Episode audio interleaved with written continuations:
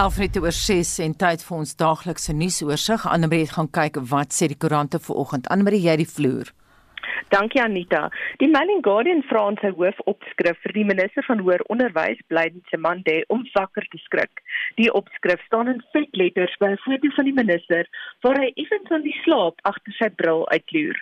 Die koerant wy 3 in diepte berigte aan die kwessie en spekuleer onder meer dat daar weer 'n nasionale studentebetoging oor fooie gaan wees, soortgelyk aan die een van 2015. Die storie oorheers ook die voorblaaie van The Star en The Cape Times en beeld met laasgenoemde opskrif wat lees studente kry hul sin Die burger verwys weer in hul hoofopskrif daarna dat die nasionale tesourie nie eintlik vir Nsimande help nie, veral waar dit die studente hulpskema NSFAS betref. Hoër onderwys kom ook onder die loop op die voorblad van Volksblad. Hulle berig oor die rektor van die Sentraal Universiteit van Tegnologie, professor Henk de Jager, wat weer kan terugkeer werk toe nadat die Hooggeregshof sy skorsing opgehef het.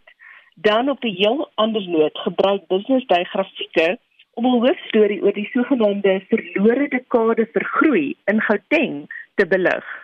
En dit was Annelie Jansen van Vuren met vanoggend se koerantnuus en nou iets vir mense wat in die 60er jare, 70er jare en 80er jare tieners was. Die Nederlandse ingenieur wat kassette vir kassetspelers uitgevind het, Lou Ottens, is die week op 94 dood. Na raming is daar reeds sowat 100 miljard kassette verkoop sedert dit in 1960 bekend gestel is. Hoewel kassette moes plek maak vir meer moderne manier van musiekluister, is se deesdae saam met plate blykbaar weer 'n gesogte item. Nou ons wil hê jy moet vanoggend daaroor saamgesels. Lekker vraag vir 'n Vrydag. Het jy gereeld musiek opgeneem en sogenaamde mixtapes gemaak? Ek onthou dit baie goed.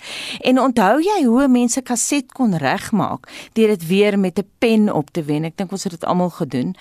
En indien jy 'n millennier is, wat is jou persepsie van musiek maak?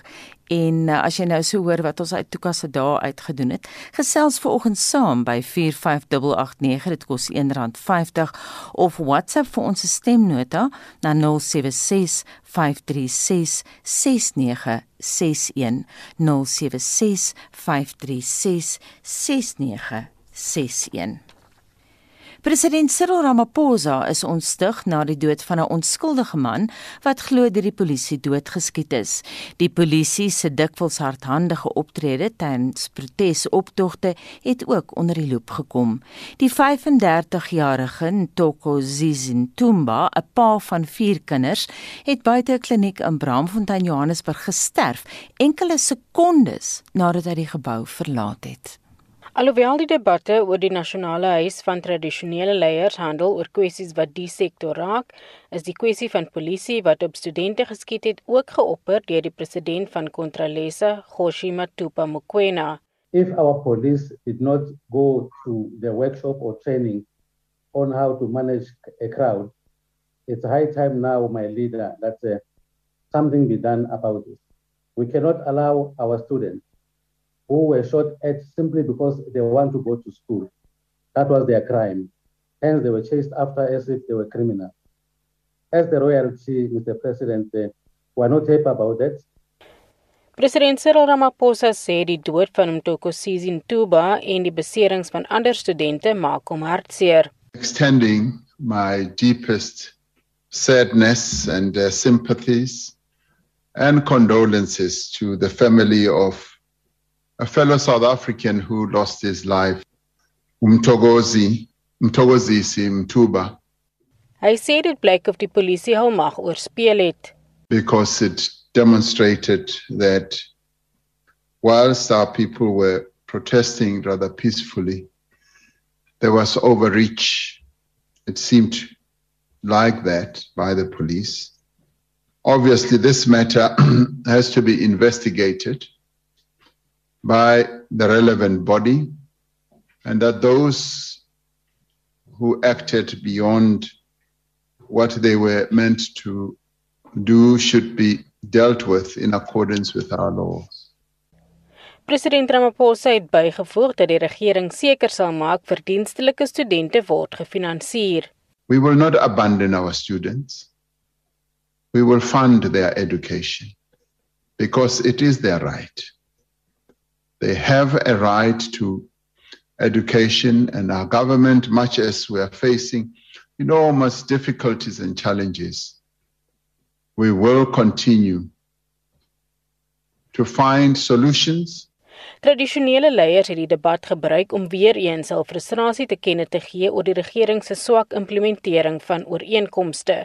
Die adjunkvoorsitter van die Nasionale Huis van Tradisionele Leiers, Nkosikazi Mhlawuli, verduidelik: We are still saying today to you president Mongameli if you as government were pulling pull over our eyes by giving us a department with no budget. Rather, take it back, Mungami. We have never seen the Minister of Finance in the House or just for him joining virtually. We have never seen the Minister of Trade and Industry, yet we have Invest Rural Initiative, which is for economic development. Maar president Ramaphosa het lede verseker hulle speel 'n noodsaaklike rol in die opbou van die landelike ekonomie. As traditional leaders understand the aspirations of our people to do things for themselves and the moment for us to do so has now arrived where we can work together as government, as traditional leaders, as communities and other role players. It is our responsibility as government to provide the enabling environment and also the means for our communities to develop themselves. Dit was president Cyril Ramaphosa, Zelin Merrington, Parlement. Die regering het bykomende studentefinansiering aangekondig vir die nasionale finansiële hulpskema NSFAS om die tekort vir die 2021 akademiese jaar aan te vul. Die regering sê egter van dese week se studentebetogings het hom nie gedwing om meer finansiering beskikbaar te stel nie, want die nodige fondse was reeds daar. Die Hoër Onderwysdepartement sê vanjaar beloop NSFAS van finansiering 42,1 miljard rand in vergelyking met verlede jaar se 36 miljard rand. Vincent Mofokeng het meer. Betogings teen finansiële en akademiese uitsluiting van arm studente blyk nou 'n jaarlikse ritueel in Suid-Afrika te wees. Dit het alles in 2015 met die feesmasvol veldtog begin en dit wil voorkom asof die polisie elke jaar arm studente met rubberkoel skiet wat net soos hul bevoorregte eweknee toegang tot hoër onderwys wil hê. Die betoging by die Wits Universiteit in Johannesburg het een lewe geëis. Die minister in die presidentskap, Kumbuzo Ntshavheni, het die verklaring na die sitting van die kabinet gelees en meegevoel met die familie van Wyle Umtokozisi Umtumba uitgespreek. On the unfortunate death of Mr. Mtokozisi Edwin Ntuba in Bramfontein, Johannesburg yesterday. Cabinet is saddened by the unfortunate death of Mr. Mtuba, who was 35 years old, a husband and a father who was killed during the Wits University student protest in Bramfontein in Johannesburg on Wednesday the 10th of March 2021. And government has expressed its condolences to the family, friends and colleagues of Mr. Mtuba, who was also an employee of the Department of Human Settlements. The Independent Police Investigative Directorate is already already conducting an investigation to determine the circumstances that led to the death of Mr. Mtuba. Die minister het ook polisiewreedheid tydens betogings veroordeel. Cabinet urges the police to exercise restraint whilst ensuring public order during protest and never to use live ammunition. En oor meer finansiering vir studente het die minister van hoër onderwys, Dr. Blyde Nzimande, voorstelle van die hand gewys dat die betogings die regering genoop het om meer fondse vir NSFAS vry te stel. Hy het gesê nadat hy 'n tekort vir die akademiese jaar van 2021 beleef het, het sy departement besluit om meer geld te gee om verdienstelike studente te ondersteun. Cabinet agreed that funding should be reprioritized from the budget of the Department of Higher Education and Training in order to ensure that all deserving NSFAS qualifying students are able to receive funding support for the 2021 academic year. Further reprioritization can only be considered as part of the medium-term budget process of government, which takes place later this year. Following this decision, NSFAS will be able to release funding and the registration process at public university can indeed now continue as planned. Nzimande het ook om kalmte gepleit op kampusse sodat die plasings en betalingsproses ongehinderd kan voortgaan. I would also like to appeal for calm at our institutions of Ireland. Where there are matters of dispute and grievances, structures are in place for SRCs and institutional management to engage. And I urge that student leaders and institutional leaders make use of these mechanisms to resolve the problem. We cannot afford at this time to enjoy disruption to the 2021 academic year, which is already starting later than usual due to the extended 2020 academic year and the delayed national senior certificate results. Intussen het Nzimande ook besin oor die regering se reaksie op die COVID-19 pandemie en gesê dat die regering besig is om genoeg enstowwe vir alle Suid-Afrikaners te verseker. Hy het burgers ook aangemoedig om die COVID-19 gesondheidsprotokolle voort te sit. Die verslag van Ntebo Mokobo in Johannesburg. Ek is Vincent Mufokeng vir SAK nuus. En Anne Marie dra verskeie hoede vanoggend vir ons. Sy hanteer ook die SMS terugvoer. Ek moet sê Anne Marie, ek is nogal nuuskierig oor wat mense te sê het oor kassette, wat hulle onthou daarvan. Mag ek self met jou 'n staaltjie deel? Vind absoluut. Ek wou nou juist vir jou vra, onthou jy dit? Ja, wel ek het my 'n hele reeks storieman kassette gehad wat ek omtrent stikkend geluister het. en wanneer die kassette begin oud word, het moes ek baie vinnig leer hoe om 'n pen te gebruik om hulle weer op te wen, want die kassetspeler was so lief daarvoor om hulle op te vreet. Ek mm. weet nie dalk kan jy of die luisteraars my help, wat was daai lang um film of so aan wat so vasgehak het dan rol alles so uit en ja. dan moet jy dit nou weer terug opwen. En dit my maale het gou vir my gesê ek moet dit self begin opwen want dit het veral dit gedoen met my gunsteling liewe heksie kaset. So jy weet ek was toe nou nog klein gewees so jy kon nou nie liewe heksie van my wegneem nie. So, so terug na die luisteraars terugvoer Josie de Lange sê sy het nog so meer as 100 kassette wat sy nou nog speel, hmm. honderde plate en nog video's en sy sê haar kasetspeler en haar videomasjien werk nog perfek. En Barend van der Merwe sê alhoewel hy 'n millennier is, onthou hy daardie jare so goed. Hy sê sy pa het 'n kombi gekoop by 'n familielid en saam met daai ou bus het daar 'n kaset gekom van mhm. Audrey Landers en elke paasfees as die van der Merwe op vakansie gaan na Natal toe, dan het hulle geluister na Audrey Lander. En interessante brokkie oor die SAIK, Tolo Hatem sê sy maat so gereeld met die kasetspeler by die radio gesit en opneem en dan het Mani Kitching van Bloemfontein SAK haar so kwaad gemaak as hy tussen in die liedjies gepraat het. Eendag neem sy ma glo iets van Dolly Parton op en net toe sy die rooi knoppie druk sê Mani, dis darmie tannie met die grootste oë wat ek nog gesien het. Hy sê sy ma was so kwaad, hy glimlag nou nog. So ons wil graag by die luisteraars hoor. Julle kan vir ons 'n SMS stuur by 45889 teen R1.50 SMS, 'n boodskap op Facebook skryf by facebook.com/skynstreepzarsg of wat WhatsApp vir ons stemnota na 076 536 6961. Ek herhaal ons WhatsApp nommer 076 0765366961. Dankie Anita. Baie dankie aan jou. Ek moet sê ek het nie besef, ek weet plate maak 'n terugkeer, maar ek het nie besef eh, dieselfde gebeur met kassette nie. 636 ons gaan na die sportveld en hier is Shaun Jooste. Kom ons val weg met cricketnuus. Die T20 reeks tussen die wêreld se top 2 spanne, Engeland en Indië, begin vanmiddag half 4 in nagmiddagpad in Indië. Die reeks bestaan uit 5 wedstryde en die tweede kragmeting vind Sondagmiddag plaas. Die Windies en Sri Lanka pak mekaar ook vanmiddag half 4 in die tweede wedstryd van hulle eendagreeks met die tuisspan wat 1-0 voorloop. Die reeks word Sondag afgehandel. In die derde wedstryd van die eendagreeks tussen India en Suid-Afrika se vroue spanne het so uur gelede in Lucknow begin. Die Proteas het die lood gewen en India gevra om eerste te kolf. Die reeks is gelyk op met 1 elk. Die vierde wedstryd word Sondag gespeel. Op die rugbyveld word die ses nasies reeks hierdie naweek voortgesit.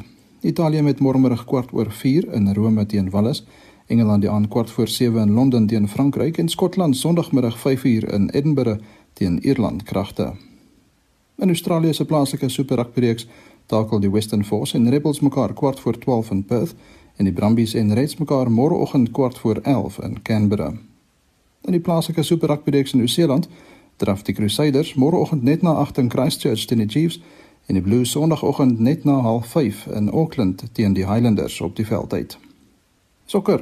In gisteraand se eerste been wedstryde van die Europese Liga se laaste 16 ronde het Ajax Amsterdam 3-0 teen Young Boys, Arsenal 3-1 teen Olympiakos en Tottenham Hotspur 2-0 teen Dinamo Zagreb gewen. Manchester United en AC Milan het 1-1 gelyk op gespeel. Roma, Villarreal en Granada het ook hulle eerste been wedstryde gewen. Tennis. In gister se kwartfinale van die Qatar Ope vir mans is Roger Federer van Switserland deur Nicolas Basilashvili van Georgië en Dominic Thiem van Oostenryk teen die Spanjaard Roberto Bautista Agut uitgeskakel. Dit was in 3 stelle. In vandag se halffinale meet Bautista Agut teen die Rus Andrei Rublev en Basilashvili teen die Amerikaner Taylor Fritz kragte. In die kwartfinale van die manstoernooi in Marseille in Frankryk stap die Rus Daniel Medvedev teen die Italiaaner Jannik Sinner. En Karen Khachanov ook van Rusland teen die Aussie Matthew Epton op die baan uit. In die kwartfinale van die vroue toernooi in Dubai het Elise Mertens van België in 3 stelle teen die Amerikaner Jessica Pegula en die Spanjaard Garbine Muguruza ook in 3 stelle teen Arina Sabalenka van Belarus geseëvier.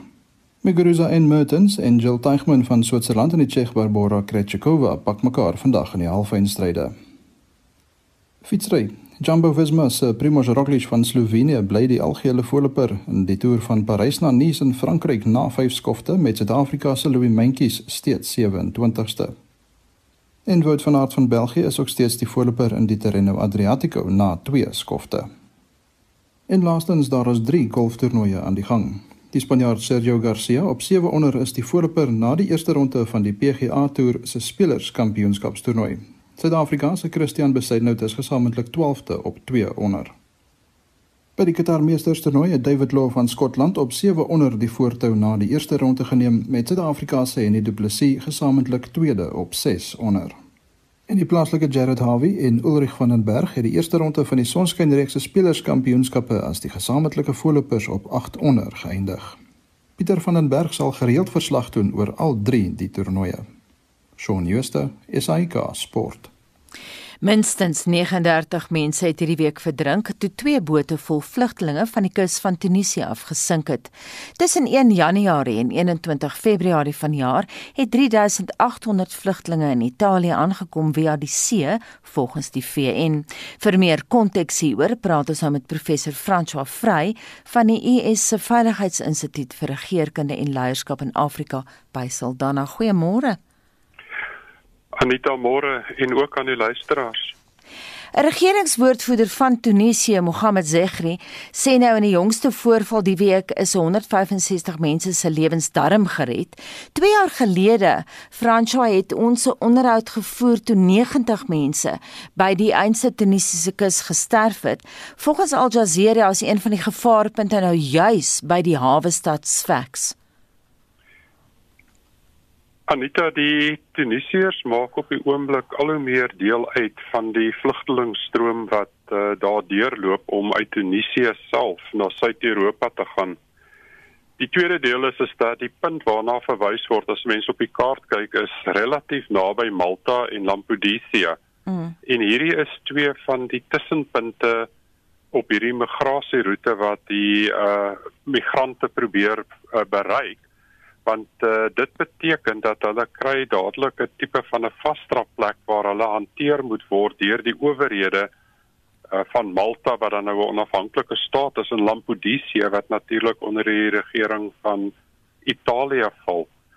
Uh die druk op die vloei deur Libië van tyd tot tyd beteken dat die vlugtelinge wat oor die Middellandse See migreer uh verskuif uh, na ander roetes toe en Tunesië is een van hierdie roetes. Die ander roete is natuurlik deur Marokko en dan is daar een meer na die uh ooste toe na Egipte toe.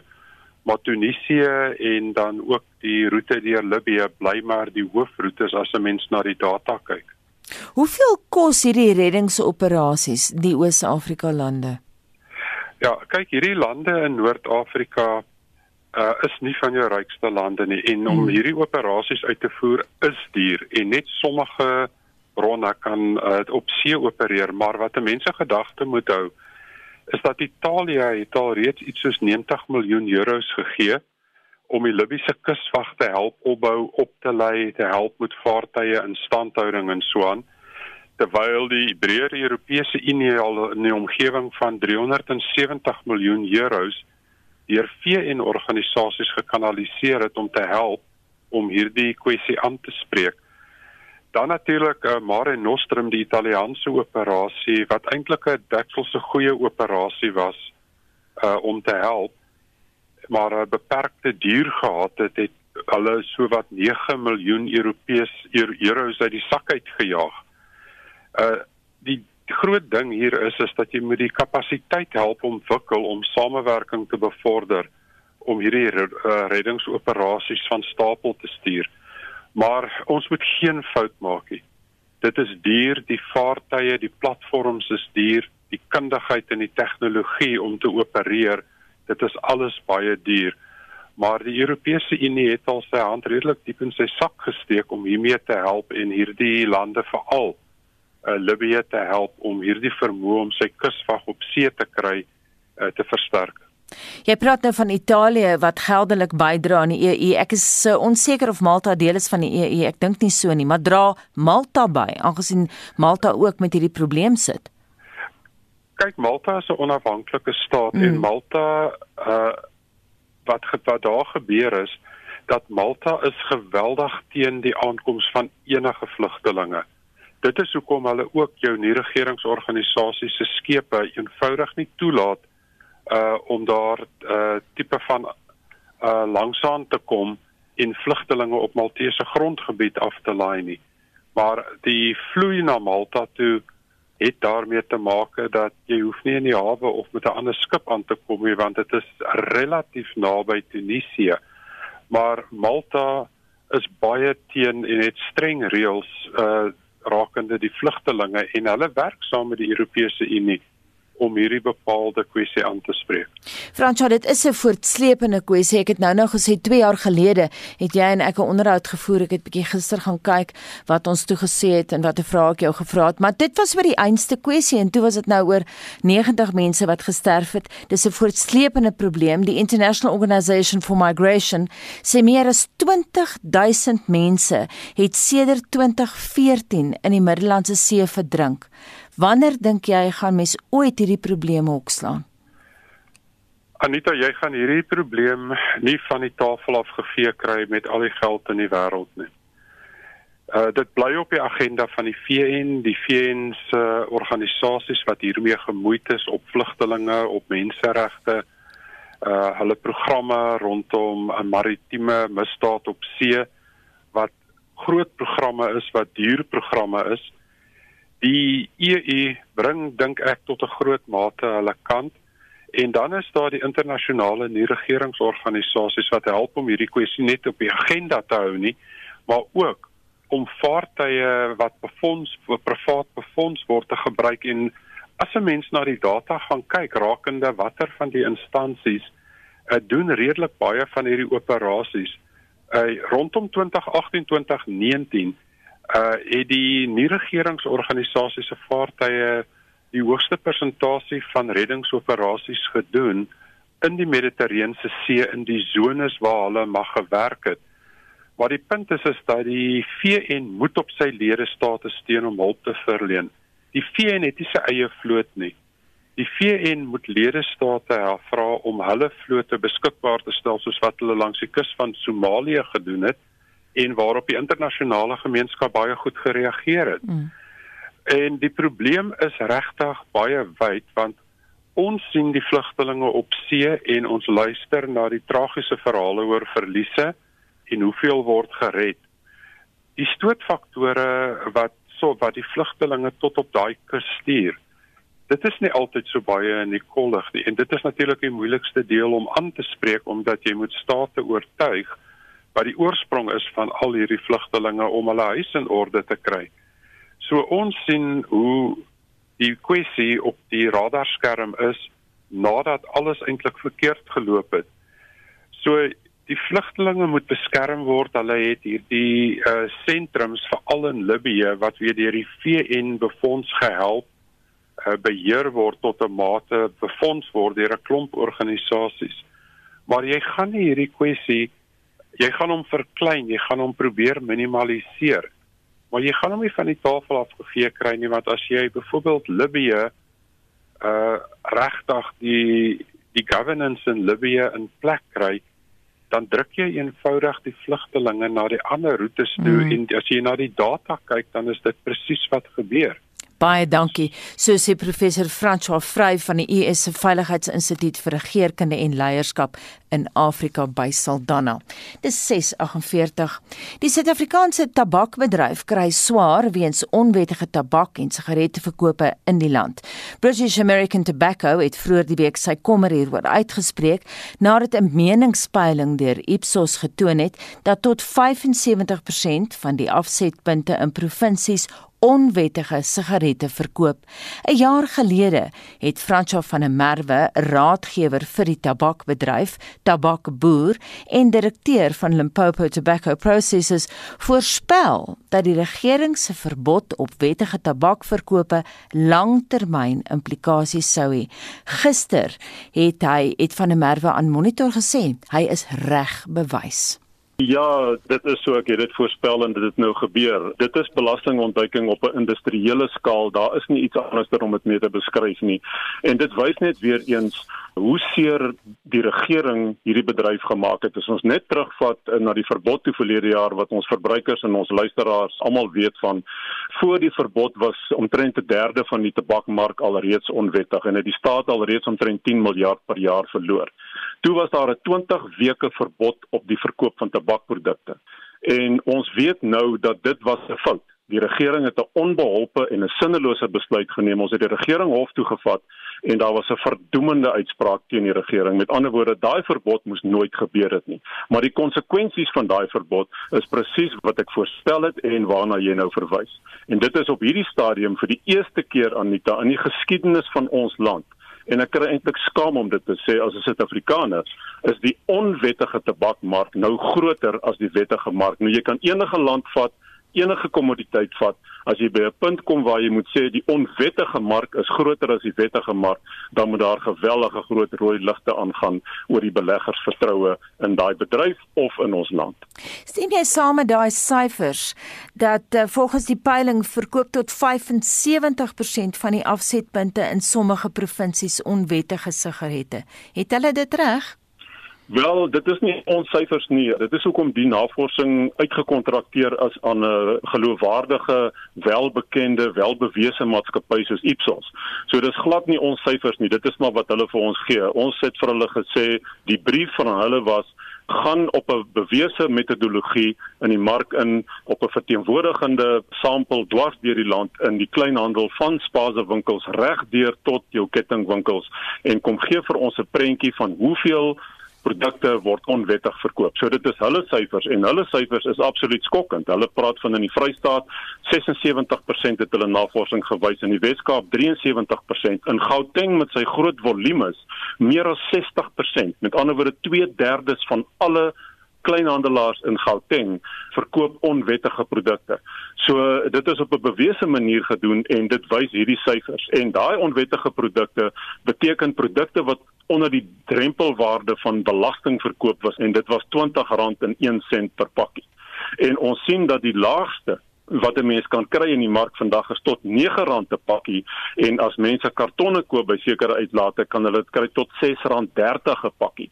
Nou meer dit teenoor die belasting alleen van R20, dan sien jy die belastingontduiking soos ek gesê het op 'n industriële skaal. En op hierdie stadium lyk dit vir ons dat uit 'n totale sigaretmark van 30 miljard sigarette wat Suid-Afrikaners per jaar rook, dat omtrent net so 10 tot 12 miljard wettig is waarop belasting betaal word. Met ander woorde, die mark is in totaliteit oorgeneem deur onwettige produkte waarop belasting nie betaal word nie en die wettige bedryf kan nie daarmee kompeteer nie want as jy belasting betaal en jy moet jou waardeketting diens en jy moet die tabak aankoop en jy moet aan alle wetlike uh, vereistes toepas, kan jy nie volgens ons sigarette verkoop vir onder 25 en selfs 28 rand per pakkie nie.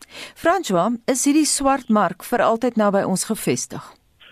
Ons hoop nie so nie Anita. Op hierdie stadium is ons baie bekommerd en is ons boodskap aan die regering, hoe kan julle dit toelaat? Ons doen hierdie navorsing nie vir onsself nie, maar om vir die regering te wys hoe sleg lyk die prentjie want ons verloor, maar die regering verloor miljarde. Op hierdie stadium verloor die regering seker 16, 18 miljard per jaar. Dit alleen die inenting van die virus vir almal in hierdie land betaal het. So daar ons moenie kla dat daar's nie geld nie. Maar die vraag is so ooglopende misdryf met hierdie handelsmerke en ons weet wie maak hierdie handelsmerke. Die verslag het dit ook bekend gemaak. Dit is in ons land wat hierdie produkte vervaardig word. Hoe kan die owerhede aan die kant toe kyk en dit nie vasvat nie? Dit is vrugte wat laag hang wat vasgevat kan word wat miljarde rande vir die staat kan beteken en wat die wettige bedryf kan red. Want op hierdie stadium as dit wat jy sê waar is staan die wettige bedryf op die afgrond en voor groot besluite wat selfs kan wees dat die wettige bedryf kan ondergaan, dan sal hierdie totale mark deur onwettige kriminele syndikaate voorsien word. François, wil jy name noem? Wel, die verslag uh, en dit is alles publieke inligting, die uh, maatskappy wat die grootste aandeel in hierdie onwettige handel is, is GLTC, Gold Leaf Tobacco. Die volgende een volgens Ipsos is Canilinks, Dit is die twee groot maatskappye wat in Suid-Afrika produkte vervaardig en wat wemel op die navorsing van Ipsos en waarvan die meeste van hulle produkte en baie groot persentasies van hulle produkte onder die belastingdrempels verkoop. En daarom sê ons, dit is nie moeilik om hierdie probleem op te los nie. Ons vra die regering en in hierdie geval is dit uh, SARS of die inkomste diens, hulle mandaat is om belasting in te vorder. Ons vra net vir SARS voer julle mandaat uit en vorder die belasting in wat betaalbaar is. Hier's die verslag, hier's die spelers, hier's die maatskappye. Hulle sit 40 en 50 km van SARS se hoofkantoor af. Gaan kyk wat gaan daar aan. Hoe is dit moontlik dat jy wettige produkte vervaardig, maar dit verkoop onder die drempelwaardes van belasting? Dis nie maatskappye hierdie wat vir filantropiese redes bestaan nie. Hmm. Hulle is daar om 'n wins te maak soos wat enige ander maatskappy maak. Maar hoe kry jy dit reg? Om tabakprodukte te vervaardig, belasting te betaal, maar dit verkoop teen die helfte van die belastingwaarde. So ons staan voor baie groot besluite. En onthou mm. hier's baie kwesbare dele van die waardeketting hier. Boere, plaaswerkers, plattelandse gebiede waar daar nie ander heenkomers bestaan nie. So dis 'n baie baie ernstige saak hierdie. Fransjo, hoe gaan julle terugweg? Ons kan ongelukkig nie hierdie probleem oplos nie want ons het nie uitvoerende mag nie ons kan nie die wet toepas nie. Hierdie probleem kan slegs opgelos word deur samewerking tussen ons en die regering. Die regering se mandaat is om toe te sien dat wettige maatskappye, wettige bedrywe, wettige boere in hierdie land beskerm word. Die regering moet sy mandaat uitvoer om te sorg dat almal wat belasting betaal dit moet betaal en die regering moet eenvoudig gaan en sy eie wette gaan toepas. En dan is hierdie oplossing voor die hand liggend. Dit is relatief maklik en is dit 'n wen-wen situasie vir almal. So ons sal aanhou om die regering te help te ondersteun met inligting sodat hulle kan weet waar moet hulle heen gaan, wat moet hulle voorsoek, maar die uitvoering hiervan lê in die regering se hande. Jy sê nou derentyd jy moet met die regering praat. Dit jy het 'n pleidooi wat jy lewer aan die regering. Praat jy fisies met die regering op die oomblik? Ons doen. Ons doen inderdaad. Ons was die laaste 2 weke twee keer in gesprek met SARS. Ons het volgende week weer 'n gesprek met SARS. Intussen stuur ons vir hulle dokumente, ons stuur briewe na die kommissaris toe. Ons maak voorstelle. So ja, ons probeer van ons kant af soveel as moontlik kommunikeer met die regering hoe problematies dit ook al is. Is jy hoopvol? Ek moet hoopvol wees want ek is Suid-Afrikaner. Ons moet hier bly. Ons het nêrens om te gaan nie. Ons bedryf moet oorleef. Ons maak 'n bydrae aan hierdie land. So ja, ek is positief, maar die oplossing is nie heeltemal in ons hande nie. En so sê Fransjo van der Merwe, hy's raadgewer vir die tabakbedryf Tabakboer en direkteur van Limpopo Tobacco Processors. Die voormalige bestuurshoof van Transnet, Siyabonga Gama, sê hy het geen kabinetsminister bearbei om hom in sy amp by die staatsbeheerde instelling heraan te stel nie. Gama het aan die staatskapingskommissie gesê hy was onbewus daarvan dat hy die destydse president Jacob Zuma se voorkeurkandidaat vir die Transnet pos was. Daar word aangevoer dat Zuma aangedring het op Gama se heraanstelling al was daar klagtes van ernstige wangedrag teen hom. Gama het sy saak gister so gestel. This was part of the negotiation. That's why the negotiations they took longer. We negotiated. You know, negotiations is a give and take. Uh, we negotiated a lot of things, and this is uh, what we finally agreed to. Um, um, if you think my negotiation skills were good, that's fine. but we negotiated. Transnet het Gama afgedank na 'n interne verhoor wat hom aan wangedrag skuldig bevind het, maar hy is onder verdagte omstandighede in sy amp herstel na sy mislukte hooggeregspoging om sy afdanking tersyde te stel. Gama is na bewering met volle voordele heraangestel. Boonop het Transnet sy regskoste betaal ondanks 'n kostebevel teen hom. Op die vraag of hy ooit die Gupta huis in Saxonwold besoek het, het Gama gesê hy slegs een keer, hy was slegs een keer daar en hy het Rajesh en Tony Gupta ontmoet. Hy het getuig dat hy in 'n lokval gelei is. So I was a bit annoyed because one I thought that I I am going to meet Isa at, at his at his offices, and then I realized that no, we're actually at the boardroom of their residence. If, if they told me I'm going to somebody's home, I probably would not have even uh, agreed to. And was uh, Mr. Issa around as Mr. Tony Gupta was talking to you? Yes, no, he was he, he was with me uh, all yeah. the time. Uh, in yes. fact, in fact, he um, he walked me out as I expressed my dissatisfaction to him to say, look, you should you shouldn't ambush me and bring me to people's homes when uh, I thought uh, you wanted to talk uh, about the business. En die stem daar van die voormalige bestuurshoof van Transnet Siyabonga Gama. Hy getuig in die kommissie se verrigtinge duur vandag voort. 6:59 voor die nuus, laat ons gou praat oor die US uh, taalstorie. Gister het Monitor berig oor matie studente wat kla dat hulle glo nie Afrikaans in hulle kursusse mag praat nie. Daar is mense wat sê dit is totale twak. Nou ons voer daai storie vanoggend verder en ons praat met die direkteur van die Sentrum vir Studente Strukture en Gemeenskap Wetenskappe Pieter Kloppers. Ons vra al die vrae wat jy sou wou vra en dan later in die program gee ons ernstige aandag aan Myanmar en ons praat met Rolf Meyer wat op die oomblik betrokke is by die proses om te kyk of hulle vrede kan bewerkstellig en of hulle die geweld kan keer. Hy is met verskeie rolspelers in gesprek op die oomblik. So ons praat later vanoggend met Rolf Meyer en dit bring ons by 7:00.